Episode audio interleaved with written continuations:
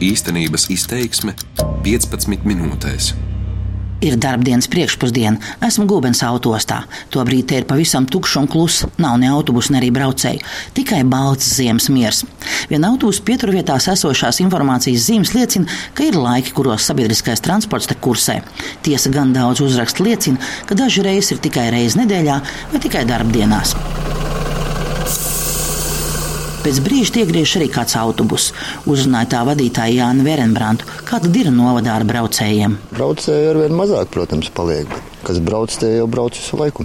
Kas ir dziļāk nomalē, tur paliek ar vien mazāk, un ir, protams, kur vispār nav. Autobusu vadītājs jau ir arī lietas kursā, ka paredzētais sabiedriskā transporta maršrutu tīkla samazinājums skars arī viņu novadu. Paliks tautas mazāk. Uz darbu netiks meklēts citas iespējas. Izmirs reģions.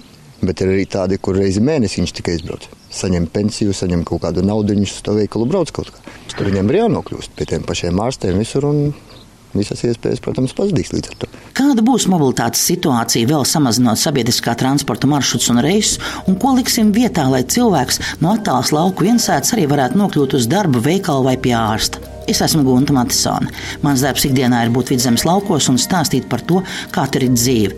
Saprotot, ka transports ir viens no jūtīgākajiem un sāpīgākajiem lauku jautājumiem, no brīža, kad ziņu par paredzēto sabiedriskā transporta samazināšanu saņēma pašvaldības, arī es sekoju līdz tam, kā tas skars vidzemi un kādus risinājumus var meklēt. Par to arī turpmākajās īstenības izteiksmes minūtēs. Sasteigts tā janvāra sākumā, kad tikko bija saņemta autotransporta direkcijas vēstule par maršrutu tīkla samazināšanu, to vērtēja amats novada pašvaldības vadītāja Elita Eglīte. Katrs tas cilvēks, ko es zinu, grib, lai viņam personīgi izstāsta, kāpēc mazināsies, kas notiks, kas būs vietā. Un viņš nav gatavs tā, ka man tā hū pasaka. Līdzīgas domas pauž arī Gulbens novadomas priekšsādātājs Andris Vējiņš. Ja mēs skaidri zinām, ka šis ir nepopulārs lēmums, kurš mums sagaidāms vistuvākajā laikā, tad mums jau ir dots laiks mājas darba risinājumu, un varbūt mēs šeit lokāli uz vietas, vismaz daļa no pašvaldībām, varam atrast šo risinājumu un piedāvāt veiksmīgu sadarbību. Šobrīd tas bija sasteigts. Es uzskatu, ka jā. Un mēs jau arī savu infrastruktūru, jeb novada šo mazo administratīvo centru attīstību domājam un plānojam arī kontekstā ar šo sabiedrisko autotransportu. Kā protests šai steigai sekoja arī Vidzemes plānošanas reģiona vēstule. Administrācijas vadītāja Guna Kalniņa priedu uzsver, tādā sasteigtā veidā nedrīkst risināt jautājumus, kas ir svarīgi un var skart ļoti daudz cilvēkus. Un ne bez iemesla, jo tieši vidzemē jau ir raksturīgi liela attāluma un viensētas. Mums ir salīdzinoši vislielākā kilometru skaits un vislielākais sazarotais maršrutu tīkls salīdzinoši ar pārējiem reģioniem.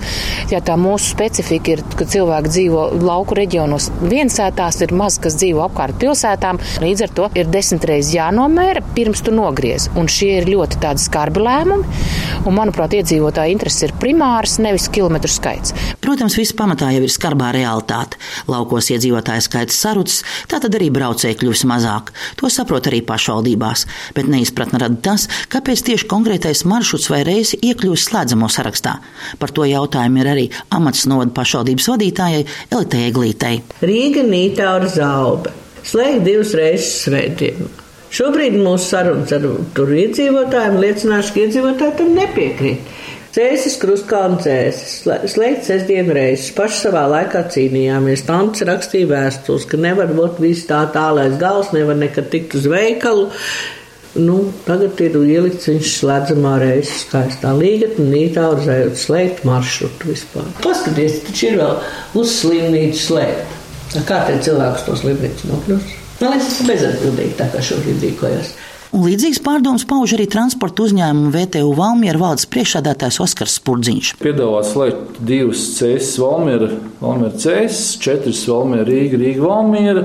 Attiecībā uz tiem ir jāsaka, ka valsts iet vienkārši vieglāko ceļu, nu ne valsts, bet autotransporta direkcija, kur īstenībā ir normāls piepildījums, vienkārši viņiem nav naudas, ko samaksāt par šiem braucieniem. Līdz ar to paņēma varbūt arī nost tos, nevis kur ir maz cilvēku, vienkārši paņēma nost to, lai nebūtu nobraukumu. Jo Valmiera Rīga mums faktiski ir piepildīta maršruti. Nav loģikas, bet nu, tāda, ir, tāda ir viņa loģika. Jā, vienkārši naudas nav. Protams, ka viņi nevar veikt pasūtījumu pilnā apmērā, jo nav naudas. Jau šobrīd vidzemē ir vietas, kur vispār nekursē sabiedriskais transports, vai arī tas kursē reizi nedēļā. To, ko tas nozīmē, savā ikdienā izjūt arī pāris internāta pamatskolas darbinieki. Jo, ja nav sava auto, tad uz darbu nokļūt ir visai problemātiski.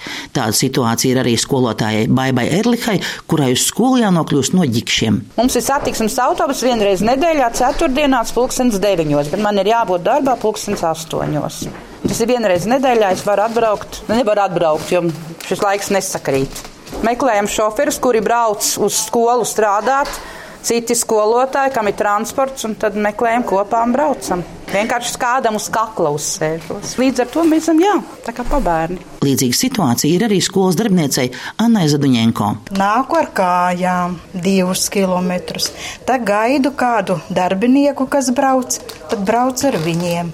Anna Zaduņenko arī stāsta, ka problemātiski ir nokļūt ne tikai uz darbu spārē, bet arī līdz cēsīm, lai tiktu pie ārsta vai kārtot kādu jautājumu. Vienīgā ceturtdiena, tad mēs varam aiziet tos divus kilometrus, tad diena nodzīvo pa cēsīm un tad trijos braucam mājās. Bet, ja gribam citu dienu, tad uz ģikšiem jātiek ir.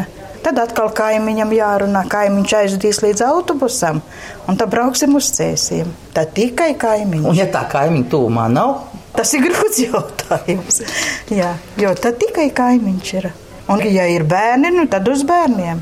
Tad bērnam jāatliek sava, sava darba strādāšana, un tad ir jāved. Tas, ka šobrīd satiksmes autobusu kursē tikai reizi nedēļā, būtībā jau nav izēja, lai, piemēram, nokļūtu pilsētā pie ārsta vai kārtot dažādus jautājumus, jo ne jau vienmēr vajadzīgo speciālistu darba laiks sakrīt ar dienu vai laiku, kad var nokļūt pilsētā. Maršruta autobusi vienreiz nedēļā ir ļoti sarežģīta lieta. Jo tad mums ir valstiski jāiekārto, ka mums būs kaut kādas dienas, es nezinu, kas tās būs tādām trešdienām vai ceturtdienām, kurās visi ārsti, visas, visi tur strādās tieši tajās trešdienās, ceturtdienās, kur vienreiz nedēļā iet autobus. Bet, ja tev ir vienā dienā viss jāizdara, nu, es nezinu, vai kāds no tiem, kas uh, gribētu tos reisus kārtot, spētu vienā dienā iziet poliklīniku, iznodot analīzi viss aiziet uz veikalu, aiziet uz aptieku, nopirkt visu veikalā un vēl iekāpt un izbraukt, izkāpt ārā un aiziet uz māju. To, ka izēja nav tā, ka autobusu kursē tikai noteiktās dienās, uzsver arī Gulbens novadomas īpašuma pāraudzības nodaļas vadītājs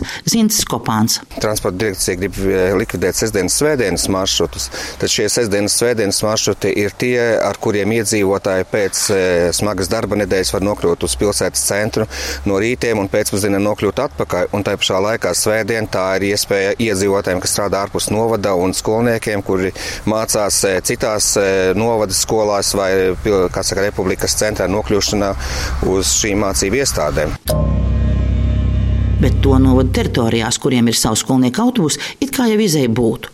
Taču pat šajos jau pavisam slēgtajos maršrutos tas nedrīkst uzņemt citus pasažierus bez skolniekiem. Vērtējā mats novada domas priekšsādātāja Elite Glīta. Nevaram vēst, jo tas ir komerc pārvadājums. Un tagad prasīt, lai šādas nelielas pašvaldības ieiet komerc pārvadājumu tirgu, pirktu licenci, liktu biļešu autoaparātus, krāmētu uz saviem skolēnu autobusiem slīdošu uzrakstu.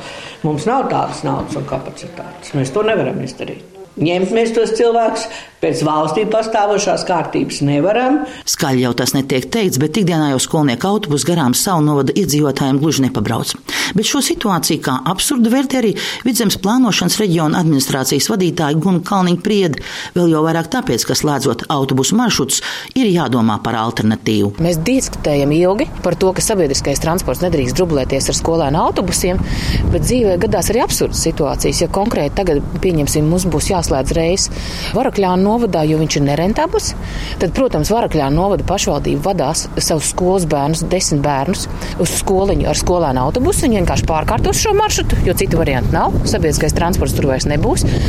Bet tad jautājums, viņas pieturā pabrauks garām audzinātājām, jo skolotājs un tehniskos darbiniekus nedrīkst ņemt, jo viņi nedrīkst tirgot biļetes. Nu, tad varbūt mums ir jāmeklē kompromiss, jo tie ir konkrēti transporta līdzekļi. Ir profesionāli autovadītāji pieņemti pašvaldībā, pašvaldība šo transportu uztur, tad ir varbūt par to jādiskutē.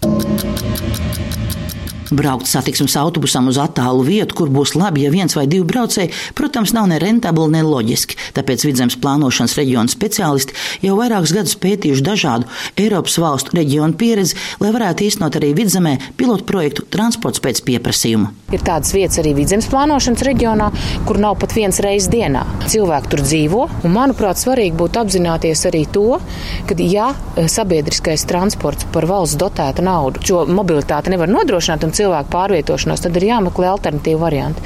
Mēs ilgi diskutējam e, jau dažādu projektu ietvaros, bet valsts līmenī e, mazliet šis jautājums ir, varētu teikt, iebuksējis.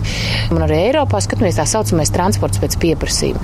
Tad šis varbūt būtu arī kā pagaidu risinājums tur, kur šie reisi nav, vai viņi arī nebūs nekad, bet tam iedzīvotājs tur dzīvo, viņam ir jānokļūst ar sabiedrisko transportu vai līdz slimnīcai, skolai, vai vienalga, kur uz lielāku reģionālu pilsētu pēc kāda pakalpojuma. Tagad šo ideju transports pēc pieprasījuma izsaka arī autotransporta direkcija. Transporta uzņēmuma VTU Valmiera valdes priekšādātājs Oskars Spurģiņš, kurš iepazinies ar šī projekta koncepciju, stāsta, ka tas būs reizes konkrētā maršrutā, kuru pasažieris iepriekš piesaka. Valsts iesaldē to maršrutu, ja nav tie, kas brauc.